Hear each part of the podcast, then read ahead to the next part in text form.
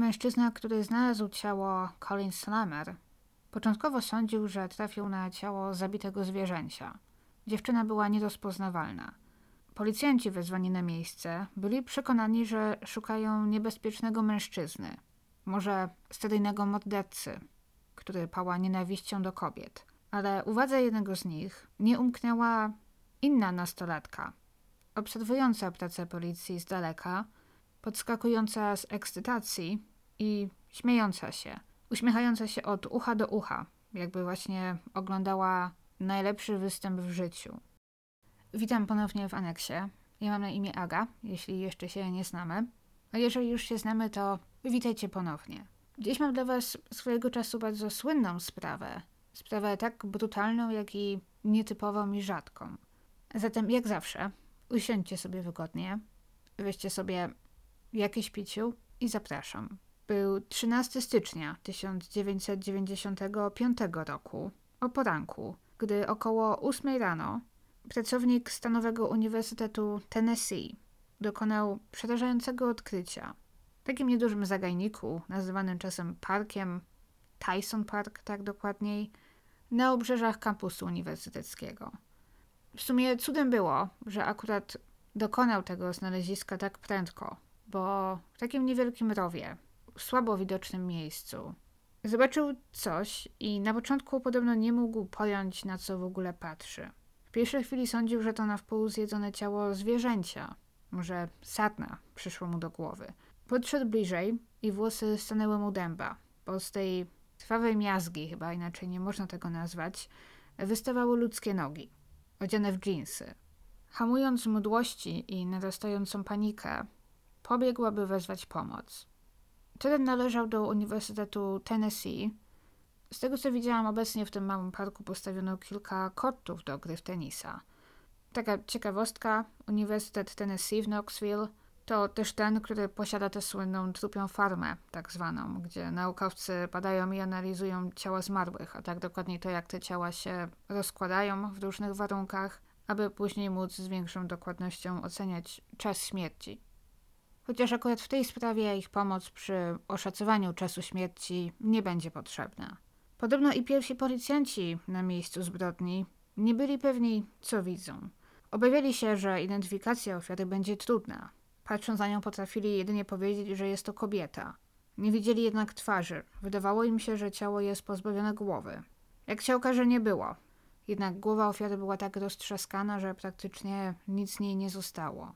Wokół nich, w wielu miejscach, w promieniu kilkunastu metrów od ciała, znaleziono później ślady kałuże krwi, ślady walki w postaci naruszonych krzaków, trawy, śladów stóp w błocie. Wszystko wyglądało tak, jakby ofiara długo walczyła, jakby uciekała, próbowała uciekać, zanim zginęła w tamtym miejscu. Autopsja wykazała, że przyczyną śmierci faktycznie były obrażenia głowy, zadane tępym narzędziem, możliwe, że część rodzaju kamienia, kamiennego bloku, czegoś ciężkiego.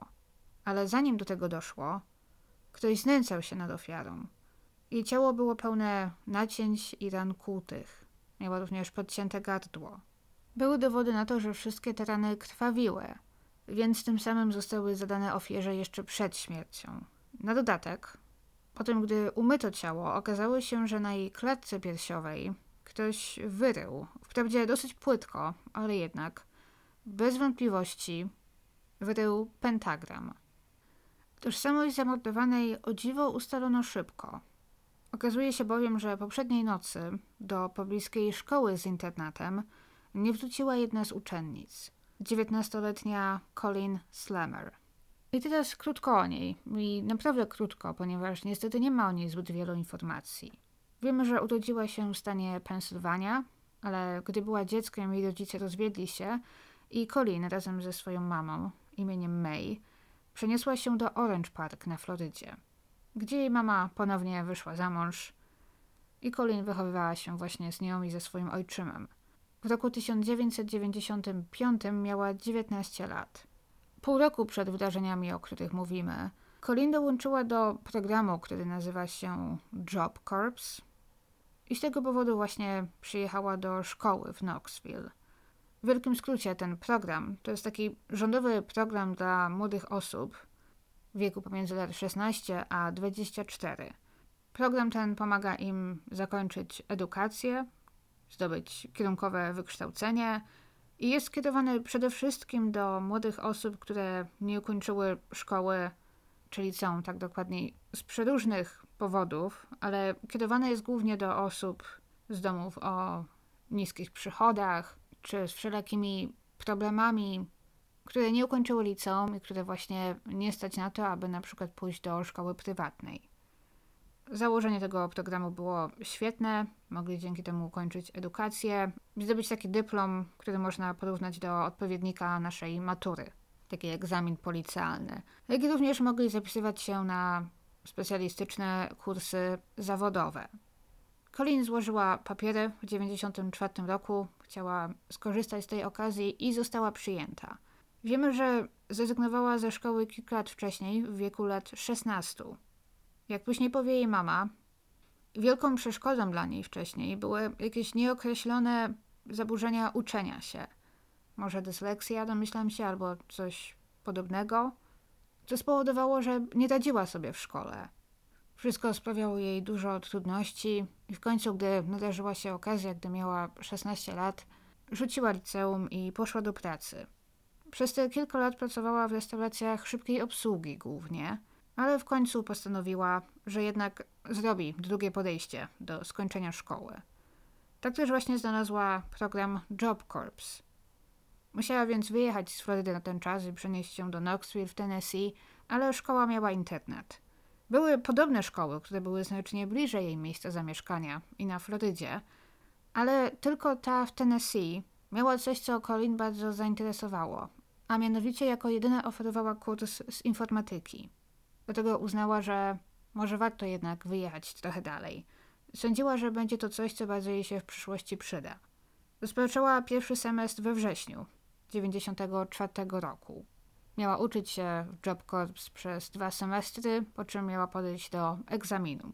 Mimo, że wyjechała tam pełna nadziei i bardzo pozytywnie nastawiona, wziąć byka za rogi i spróbować przezwyciężyć swoje zaburzenia, już kilka tygodni później, po tym gdy przyjechała do Knoxville, gdzieś w październiku, zadzwoniła do swojej mamy, skarżąc się na kiepskie warunki. Większość dzieci w jej szkole pochodziła z domów z problemami. Były to często dzieci z różnych rozbitych domów, gdzie był problem z przemocą, problemy z uzależnieniami i oczywiście na tych dzieciach również mocno to się odbijało i na ich zachowaniu. Cały program nie był wystarczająco dobrze dofinansowany, a uczniowie robili co chcieli. Niektórzy nauczyciele mieli ich w poważaniu i nawet nie reagowali, inni reagowali, ale później powiedzą, że wielu z nich tych swoich uczniów zwyczajnie się bało. W szkole, w szczególności w internacie, dochodziło do bujek, aktów przemocy, aktów wandalizmu. Cała szkoła była wymazana w graffiti. Większość uczniów to byli właśnie 17, 18, 19 latkowie. Niektórzy stawiali już nawet pierwsze kroki w miejscowych gangach. Stąd też byli nauczyciele, którzy tych uczniów zwyczajnie się bali. Colin, która przyjechała tam po prostu z zamiarem skończenia edukacji, nie była tym zachwycona. Zadzwoniła do mamy, skarżąc się, że już w ciągu pierwszych tygodni ktoś zdołał włamać się do jej pokoju w internacie i okraść ją pod jej nieobecność. Była zduzgotana. To nie było to, czego chciała. Chciała skończyć liceum, zrobić kurs z informatyki i ruszyć dalej ze swoim życiem. Miała wrażenie, że większość uczniów jest tam jedynie dla zabawy, że jest im wszystko jedno, czy skończą tę szkołę, czy nie.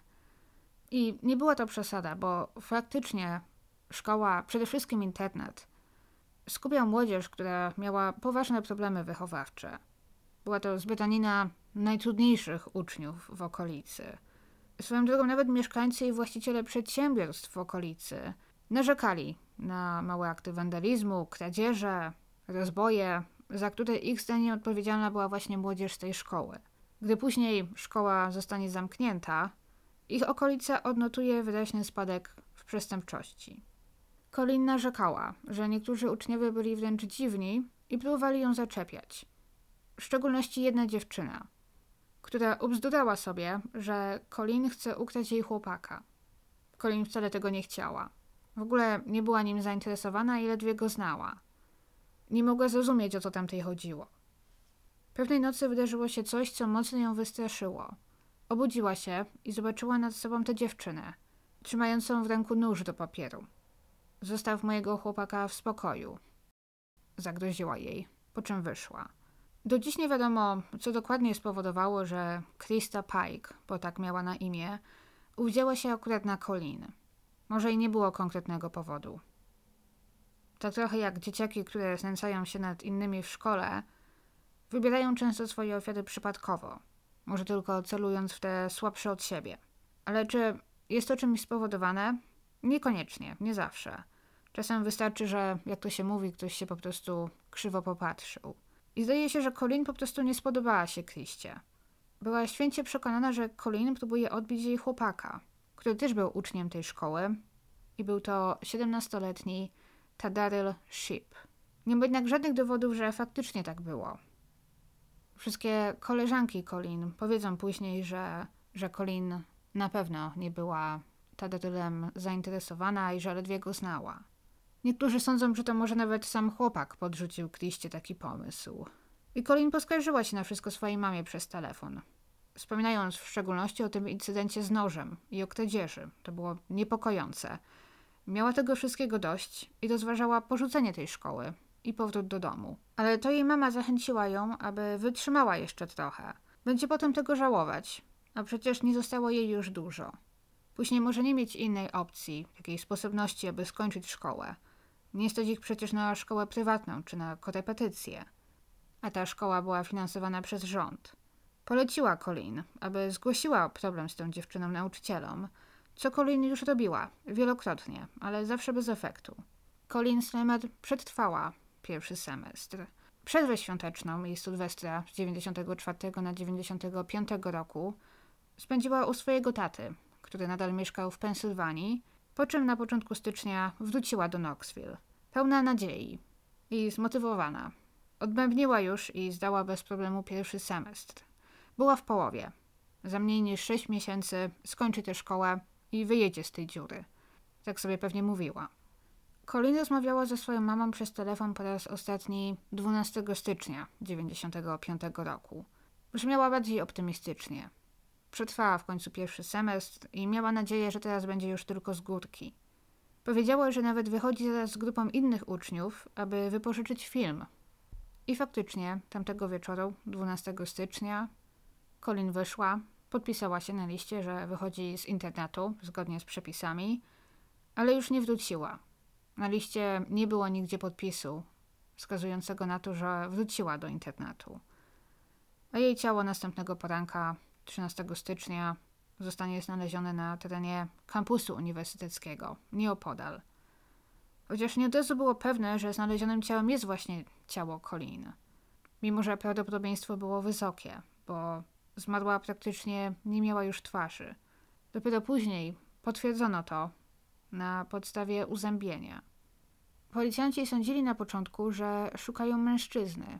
Zaczęli wypytywać, czy Colin miała chłopaka, czy z kimś się spotykała, a może niedawno z kimś zerwała, ale okazało się, że nie tędy droga. Praktycznie od razu też doszły ich słuchy o pewnej dziewczynie, która cały dzień chodziła zadowolona z siebie i uśmiechnięta. Mimo, że wszyscy inni w szkole byli wstrząśnięci, gdy później w ciągu dnia doszła do nich plotka, że w pobliżu znaleziono ciało ofiary morderstwa i że może to być jedna z uczennic szkoły. Ta dziewczyna, o której policjanci usłyszeli, nie tylko chodziła zadowolona i uśmiechnięta. Miała też pochwalić się kilku koleżankom, że to ona zabiła Colin. Miała przy sobie nawet fragment jej czaszki. Chwaliła się. Mało tego, ta sama dziewczyna pojawiła się w towarzystwie koleżanki na miejscu zbrodni. Wieczorem 13 stycznia po znalezieniu ciała i zaczęła wypytywać policjanta, który pilnował tego miejsca, o to, co tam zaszło. Chciała poznać jak najwięcej szczegółów. I ten policjant powie, że nie była jedyną osobą, która podeszła do niego tamtego dnia, pytając, co się stało, co się dzieje, czy to prawda, że doszło do morderstwa, bo wielu ludzi w okolicy nie mogło uwierzyć w te plotki, jakie do nich dochodziły, i faktycznie sami poszli i pojechali na miejsce, aby zobaczyć, co się dzieje. I zadawali mu pytania. Większość jednak była wstrząśnięta, zaszokowana. Byli też tacy, którzy wyrażali zwyczajnie ciekawość, że coś tak sensacyjnego wydarzyło się w ich sąsiedztwie, ale ta dziewczyna była inna. Wydała się nie tyle zaciekawiona, co wręcz tym wszystkim podekscytowana. Jakby ten opowiadał jej o jakimś ciekawym wydarzeniu w mieście albo o koncercie jej ulubionego zespołu, który miał mieć miejsce, a nie o tym, że właśnie doszło do zabójstwa.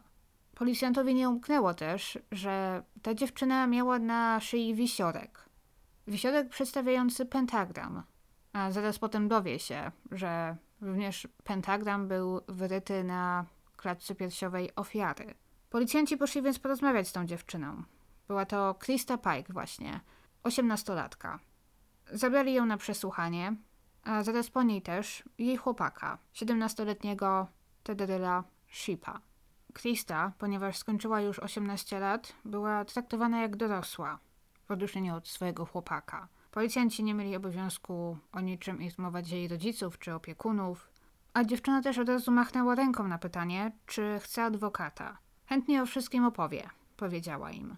I będąc prawie że z siebie dumną i zadowoloną, w sposób bardzo rzeczowy, jakby opowiadała co najwyżej o kłótni, a nie o morderstwie, wyjaśniła zaszokowanym policjantom, co zaszło.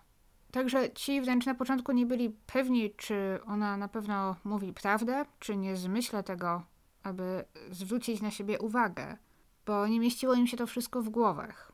Nie mogli pojąć, jak mogło do tego wszystkiego dojść. Ale dowody mówiły same za siebie.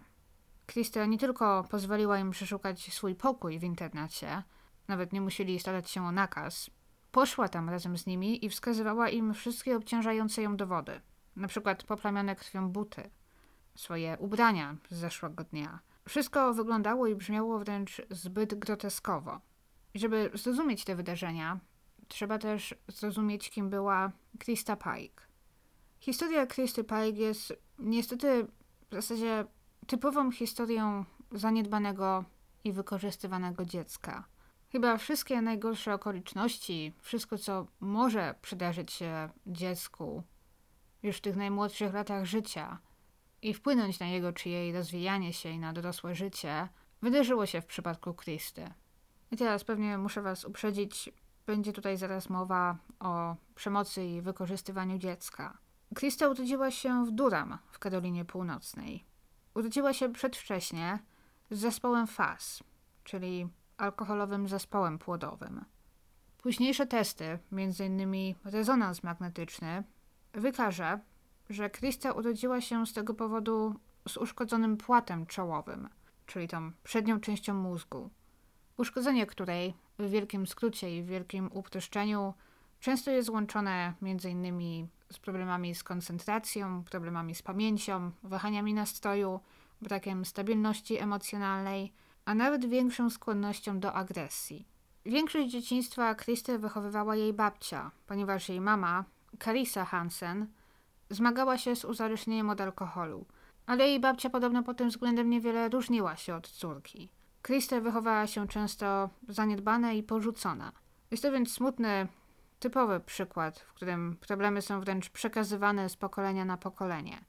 Matka Karisy była alkoholiczką, która ją zaniedbywała, Możliwe, że wcześniej ją matka też, więc teraz Kalisa zaniedbywała swoje dziecko, nigdy nie mając w swoim życiu dobrego przykładu do naśladowania. Nic więc dziwnego, że życie Kristy, wszystko w jej życiu zmierzało w złym kierunku. Dopóki ktoś nie podejmie świadomej decyzji, żeby obrócić swoje życie, trochę tak przerwać taką rodzinną klątwę i nie być taką jak swoja matka czy ojciec i wychować swoje dziecko w miłości, dopiero wtedy coś się zmieni. Jedyną osobą, z którą Krista miała bliską więź, była babcia od strony ojca. To ona poświęcała dziewczynce najwięcej czasu i okazywała jej dużo ciepła. Dużym ciosem więc będzie dla dwunastoletniej Kristy, gdy jej babcia umrze. Potem jej zachowanie diametralnie się zmieniło. Dziewczyna przeszła silny okres żałoby i depresji. Ten czas, który spędzała z matką, kiedy mieszkała ze swoją matką, spędzała często częstowana przez nią alkoholem i marihuaną. Carissa, jej mama, z zawodu pielęgniarka swoją drogą, zezna, że gdy jej córka weszła w wiek nastoletni, zdała sobie sprawę, że nie mają ze sobą nic wspólnego, żadnego wspólnego tematu, zainteresowania, hobby, że są dla siebie prawie obce. I uznała, że powinny zacząć robić coś razem i zaczęły. Palić razem marihuanę. Chociaż dla Karisy była to pewnie tylko wymówka. Krista wychowała się więc bez żadnych zasad czy reguł. Ciągle zmieniała miejsce zamieszkania, a gdy mieszkała ze swoją mamą, to z nimi znów co chwilę mieszkali nowi partnerzy czy mężowie matki. Jeden z nich, jak później powie Krista, wykorzystywał ją seksualnie. Są pośrednie dowody, że tak było, że nie jest to tylko próba zrobienia z siebie później ofiary ze strony Kristy. Bo są dowody na to, że już gdy była dzieckiem w przedszkolu, jedna z wychowawczyń zgłosiła takie podejrzenia. Zauważyła, że mała Krista na lekcjach rysuje w zeszycie dwuznaczne obrazki. Męskie genitalia na przykład. Karisę oczywiście o tym poinformowano, ale ta zdaje się nie przejęła się tym za bardzo. Karisa podobno nie wykazała też zmartwienia, gdy Krista padła ofiarą gwałtu zaledwie jako dziewięciolatka. Została zaatakowana przez ich sąsiada, gdy wracała do domu. I to znów nie jest plotka czy historia, którą Krista wymyśliła po latach, gdy na przykład przyszła jej stanąć przed sądem i chciała w ten sposób pokazać, że jest ofiarą. To zostało wtedy zgłoszone przez policję i ten facet się do tego przyznał i zaakceptował zarzuty. I podobno dostał dosyć niski wyrok. Mimo tego, że zostało to udowodnione, Carissa nie chciała Kriście wierzyć. Matka nie tyle nie miała zamiaru okazać żadnego wsparcia swojej córce w takim momencie. Nawet jej nie wierzyła. Więc Krista znów przeszła poważny kryzys psychiczny. Jakiś czas później przejdzie próbę samobójczą. Jeżeli więc spiszemy sobie wszystkie najbardziej traumatyczne doświadczenia, jakich w życiu można doświadczyć, Krista przeszła przez większość z nich. Zaczęła zdradzać objawy stresu pourazowego. Później Krista pomieszkiwała też trochę z rodziną swojego biologicznego ojca, który ożenił się ponownie i miał z tego małżeństwa małą córkę. Wysłano ją do nich potem, gdy Karisa zdecydowała się wyjść ponownie za mąż. Jej nowy mąż nie chciał dzieci i nie chciał też Kristy pod swoim dachem. A ponieważ Karisie najwyraźniej bardziej zależało na związku niż na dziecku, to odesłała nastoletnią Kristę do ojca na jakiś czas. Krista była zdecydowanie postrzegana przez nią jako taki zbędny balast. W szczególności, gdy nie była już małym dzieckiem, a zaczęła dorastać i buntować się. Ale biorąc pod uwagę, w jakich warunkach dorastała, nie ma chyba w tym też niczego dziwnego. Nie chciała się nikomu podporządkować i potrafiła też się postawić. Gdy została zbita przez jednego z chłopaków swojej matki, nie wiem nawet za co, złapała za nóż kuchenny i zaczęła mu grozić a następnie złapała za słuchawkę i wezwała policję. W jej dorastaniu momentami widać duże podobieństwa do dorastania Eileen Woodnose. Krista zaczęła uciekać z domu. Lądowała za to kilka razy w poprawczaku. I co ciekawe, tam jej się podobało. W końcu miała w życiu jakąś stabilność i rutynę. Nie musiała martwić się o dach nad głową, o stałe posiłki, o to, czy będzie miała gdzie spać tego dnia. Później powie, że gdy zbliżała się data, gdy miała zostać wypuszczona, specjalnie narobiła w poprawczaku problemów. Złamała kilka zasad, tylko po to, aby tę karę w cudzysłowie jej przedłużono i aby przedłużono jej pobyt w ośrodku. Wyszła na wolność w wieku lat 16. Znów nie mogąc sobie nigdzie znaleźć miejsca, często uciekała z domu, spędzała noce poza domem, śpiąc w lesie, w plaży nad jeziorem, gdzie, jak mówiła, było spokojnie. Jej matka nie chciała jej wtedy w domu. Gdy Krista czasem do niej wracała, stale wybuchały awantury. Nie mogła też wrócić do domu swojego ojca. I to też jest dziwna historia, bo gdy miała 13 lat, została wyrzucona z domu przez swojego ojca i jego żonę, którzy zarzucili jej, że molestowała ich dwuletnią córkę.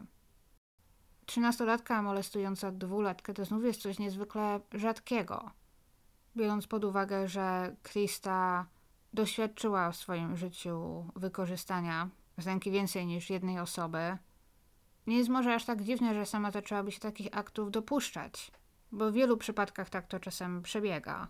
Ale Krista powie, że wcale tak nie było, że zmyślili tę historię tylko po to, aby pozbyć się jej z domu, bo wcale jej nie chcieli.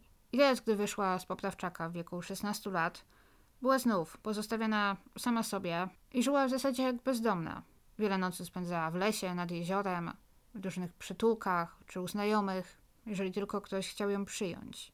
Z tego powodu też znów była niestety łatwą ofiarą. Mając 16 lat, po raz drugi w swoim życiu, Krista została zgwałcona przez nieznanego jej mężczyznę, który zaatakował ją, gdy spała w lesie. Od razu zgłosiła to na policję i zgłosiła się do lekarza. Sprawcy nigdy nie złapano. Śledztwo otwarto, ale nic konkretnego nie zrobiono. W końcu, mając 18 lat, wylądowała w Job Corp w Knoxville, gdzie znalazła dach nad głową. Mogła zamieszkać w internacie. Zaczęła naukę w roku 94. W podobnym czasie zresztą co Colin Slammer. Po skończeniu szkoły, jak napisała wypełniając formę, gdy aplikowała do szkoły, miała nadzieję studiować pielęgniarstwo i zostać pielęgniarką, tak samo jak jej matka. To w tej szkole Krista poznała młodszego od siebie o rok, Tadarila Shipa. Dosyć szybko zostali parą. Tadaril, tak samo jak ona, nie miał łatwego dzieciństwa.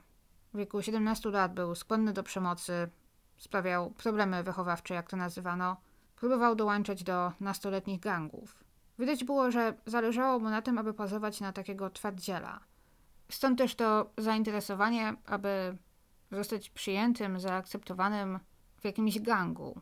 Przy okazji tej sprawy poczytałam też właśnie o tym, dlaczego dzieci, młodzież, często właśnie z tych ubogich środowisk, czy z rozbitych rodzin i z niestabilną sytuacją domową, widzą dołączenie do gangu jako coś atrakcyjnego. Daje im to przynależność do jakiejś grupy, jakąś rangę wręcz i znaczenie. Jest to często jeden z łatwiejszych sposobów, aby wiecie, poczuć, że gdzieś się przynależy, że ma się takie prawie, że zastępstwo rodziny i nagle nabiera się znaczenia.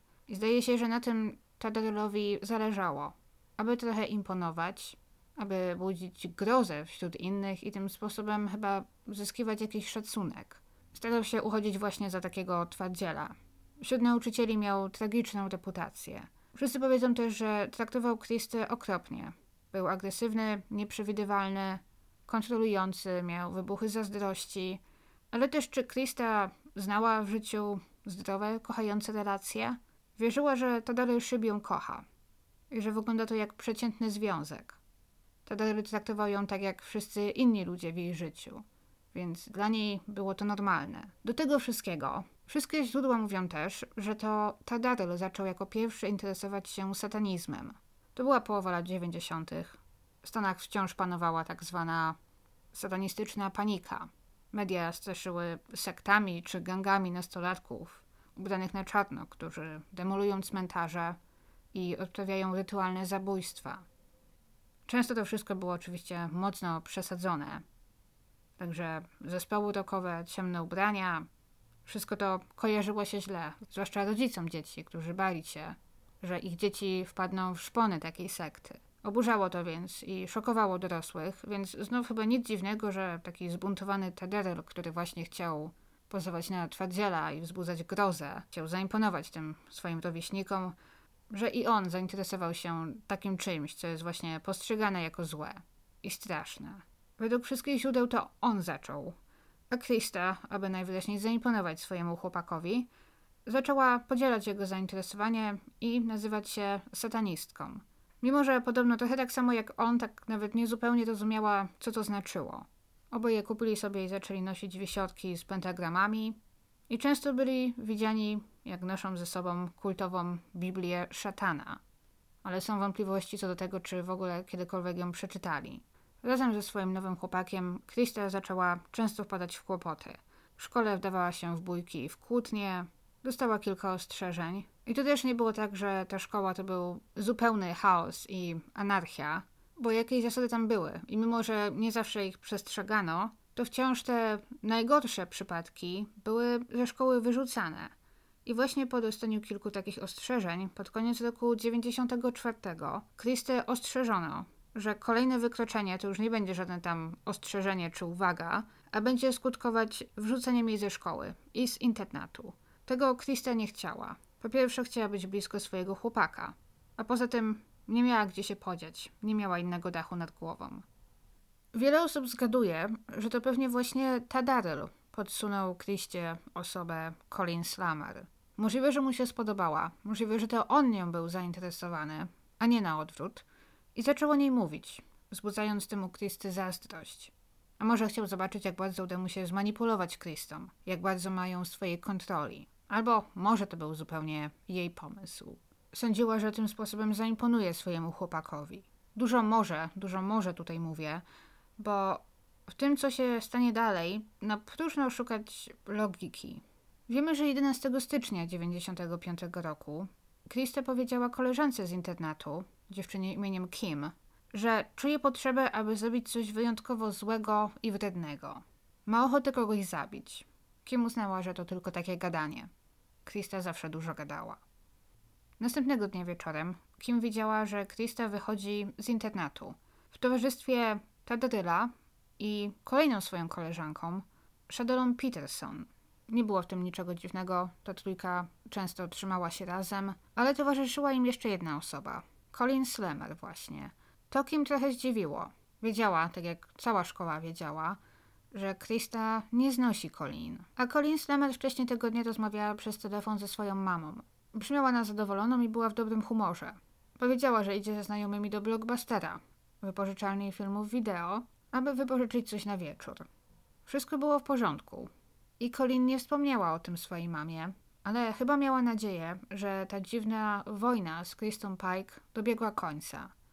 Bo Krista właśnie tego dnia poprosiła ją, aby zakopały topór wojenny, aby się pogodziły i zaprosiła ją z jej przyjaciółmi, aby poszli do blockbustera.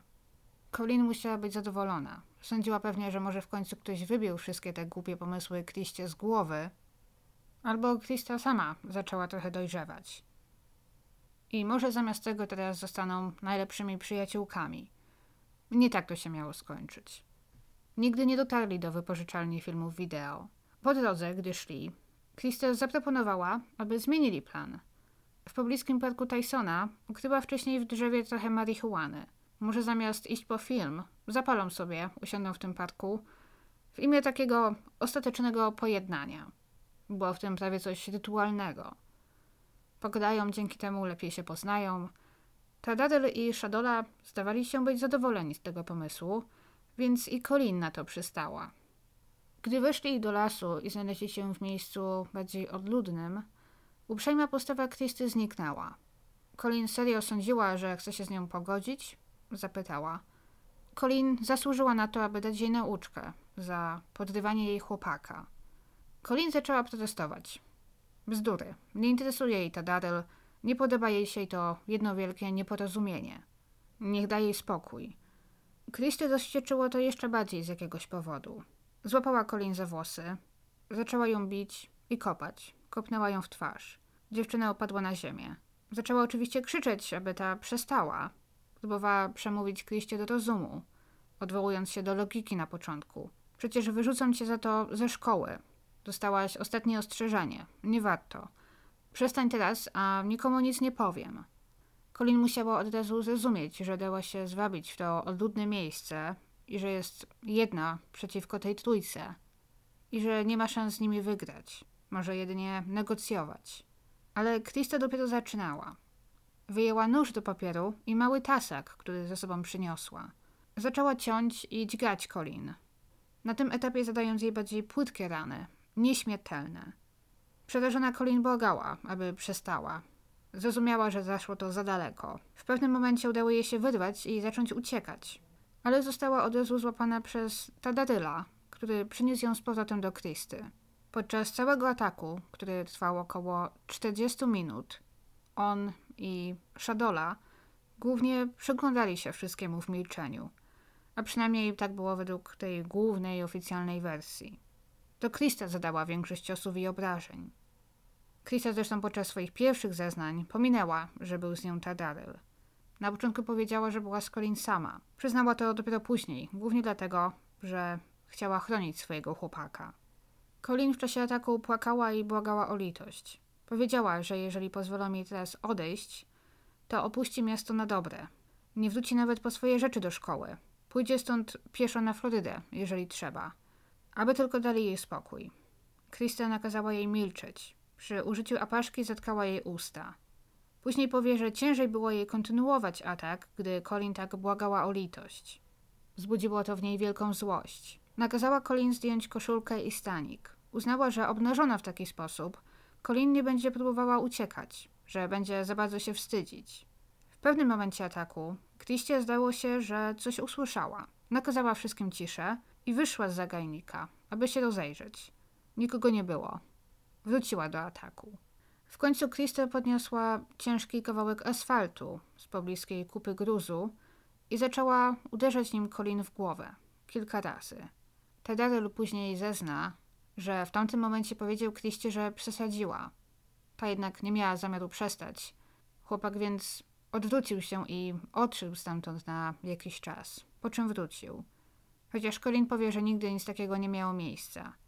Gdy Colin już nie żyła, Tederel zaciągnął jej ciało do rowu, gdzie było mniej widoczne i używając noża do papieru, wyrył na jej piersi pentagram.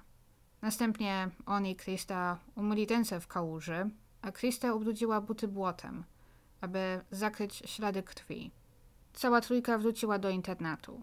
Po drodze wyrzucili nóż do cięcia papieru, a Krista, jak powie, wróciła z tesakiem do internatu, umyła go i oddała osobie, od której go pożyczyła. I to jest jeden z tych niewyjaśnionych wątków w tej sprawie, bo Krista, mimo że zeznała prawie wszystko i powiedziała wszystko o tej sprawie i niczego nie kryła, nigdy nie przyznała skąd wzięła ten tasak. Powiedziała, że ktoś w internecie go jej pożyczył, ona później go oddała i nigdy nie wsypała tej osoby, nie powiedziała kto to był. Możliwe oczywiście, że wcale nigdy jego nie pożyczyła, po prostu gdzieś go podwędziła. Z tego co rozumiem, tego tasaka nigdy nie znaleziono. Wieczorem wrócili do internetu, a tam Krista, w podekscytowanym stanie, powiedziała swojej koleżance i współlokatorce, Kim, o tym, co zrobiła. Kim powie, że Krista zachowywała się, jakby była wręcz w ekstazie. Ale Kim dalej sądziła wtedy, że Krista zmyśla.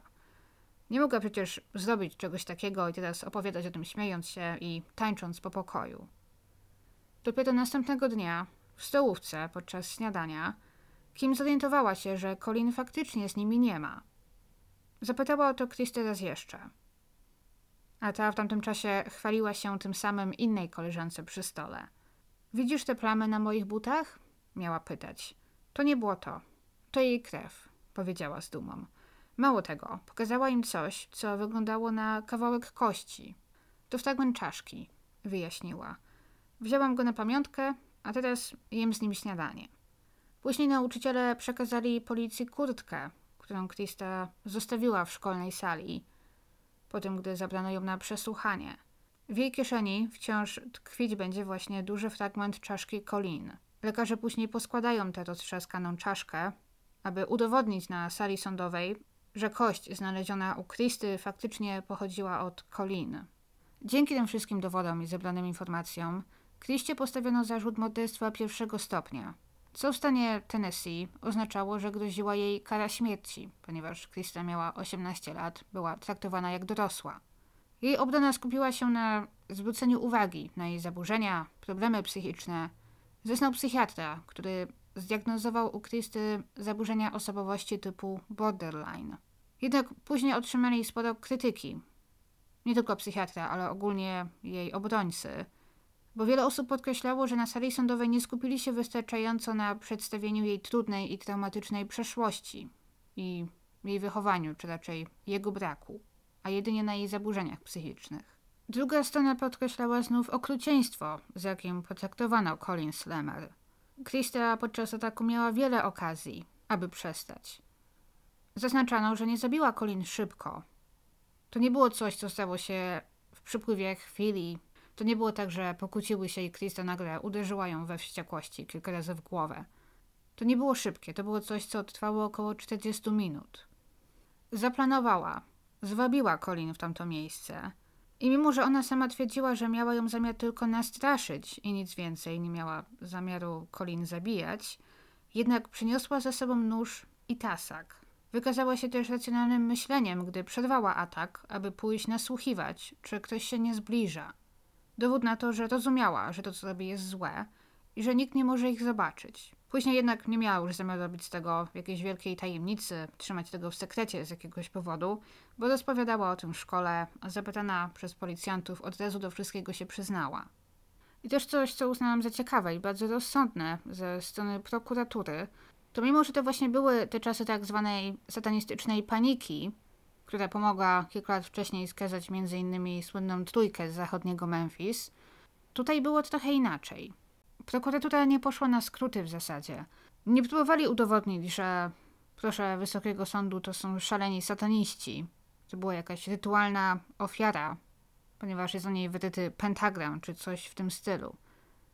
Zamiast tego zasugerowali, że ten cały satanizm był tylko nastoletnimi wybrykami, formą buntu, a prawdziwym motywem morderstwa była zawiść i zazdrość, plus brak hamulców i moralnego kompasu Kristy. W 1996 roku ława przysięgłych uznała 19-letnią wtedy Kristę Pike winną morderstwa pierwszego stopnia, tym samym skazując ją na karę śmierci.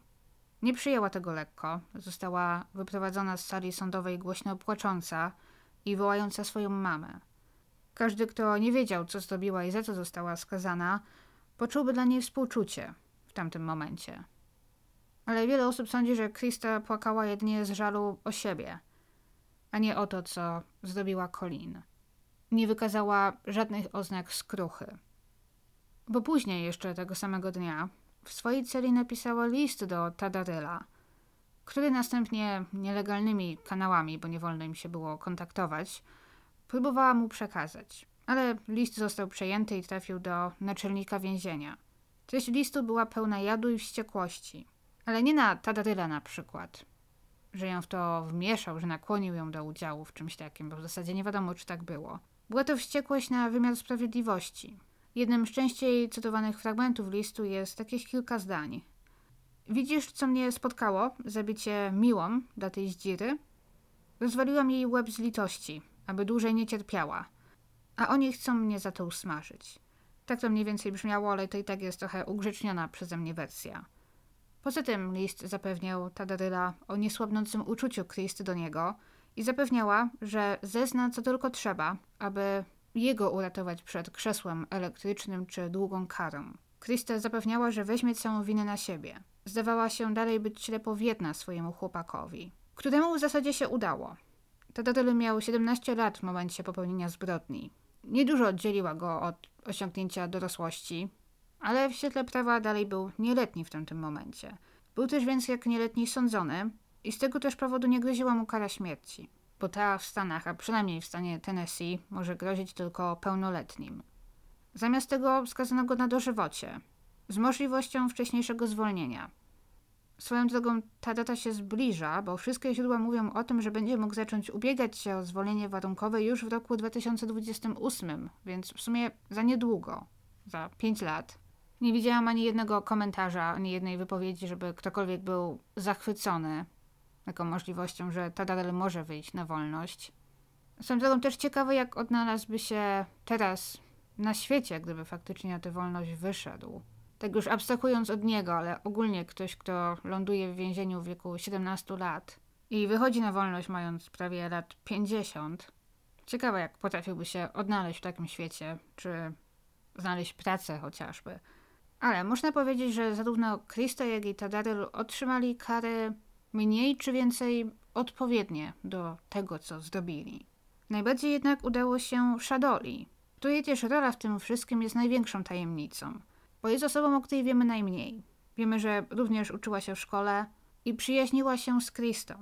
Spędzała dużo czasu właśnie zarówno z Kristą, jak i z Tadarylem, natomiast tutaj Krista chyba nie miała żadnych obiekcji, że jeszcze jedna dziewczyna jest w towarzystwie jej chłopaka, i nie sądziła chyba, że Shadola próbuje jej tego chłopaka odbić. I Shadola według swojego zeznania, jak i zeznania Kristy, nie brała w niczym aktywnego udziału, mimo że była obecna przez cały czas trwania tego morderstwa.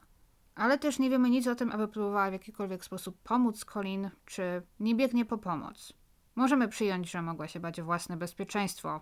Jeżeli na przykład zaoponowałaby, czy próbowała jakoś pomóc Colin, wstawić się za nią, no to mogła skończyć podobnie jak ona. Ale nawet po fakcie, Shadola nikomu nie zgłasza, co się stało. Wraca do internatu, a następnego dnia idzie na zajęcia, jakby nigdy nic, jakby nic się nie wydarzyło. Ale już zatrzymana, zgodziła się od razu na współpracę z policją, gdy ci zaproponowali jej układ.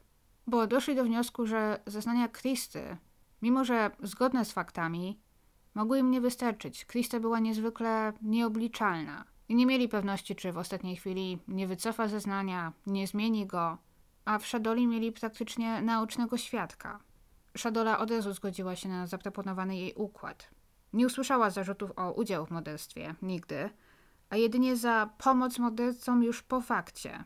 Co nie miało sensu, bo była tam obecna, pewnie też była w jakiś sposób wtajemniczona w to wszystko, co się działo wcześniej, ale w taki sposób chyba próbowano to wszystko obejść, tak aby, tak aby Shadola dostała jakieś zarzuty, ale żeby wyrok nie był za długi, żeby rzeczywiście ten układ był dla niej zachęcający. I faktycznie Shadola zeznała zarówno przeciwko Kriście, jak i przeciwko Tadarylowi i sama otrzymała jedynie 7 lat pozbawienia wolności. Spędziła rok w areszcie, czekając na proces, po czym następne 6 lat spędziła na zwolnieniu warunkowym, więc w zasadzie w więzieniu siedziała tylko rok, a później wyszła na wolność.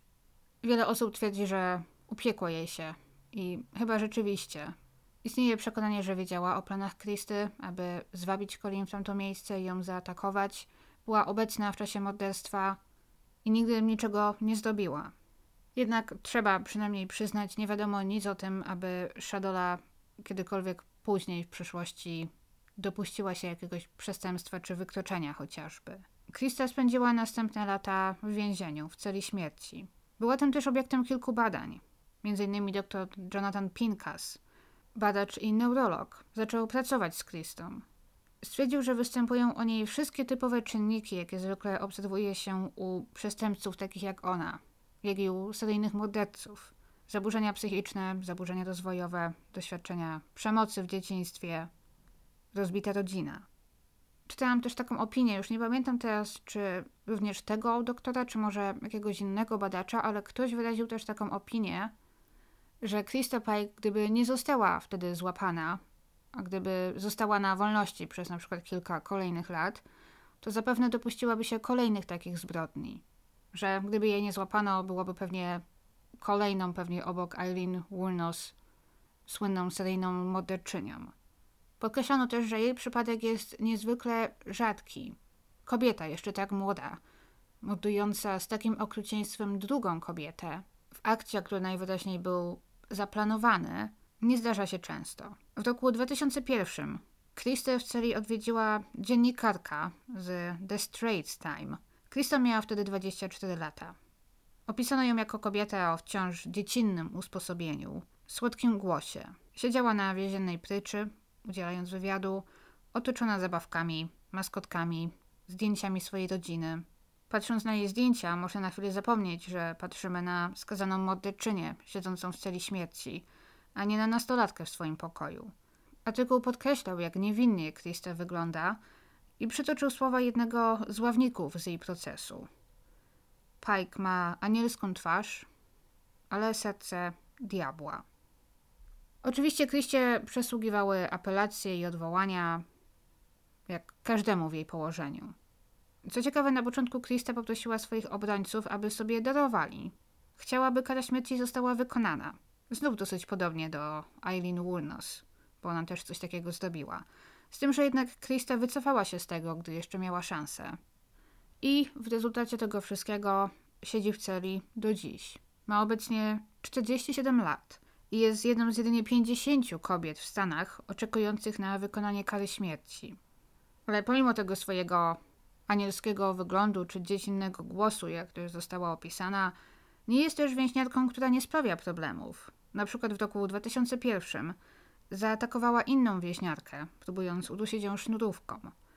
Kobieta przeżyła, a Kriście do wyroku dołożono jeszcze próbę usiłowania zabójstwa. Kilka lat później przyłapano ją na spiskowaniu.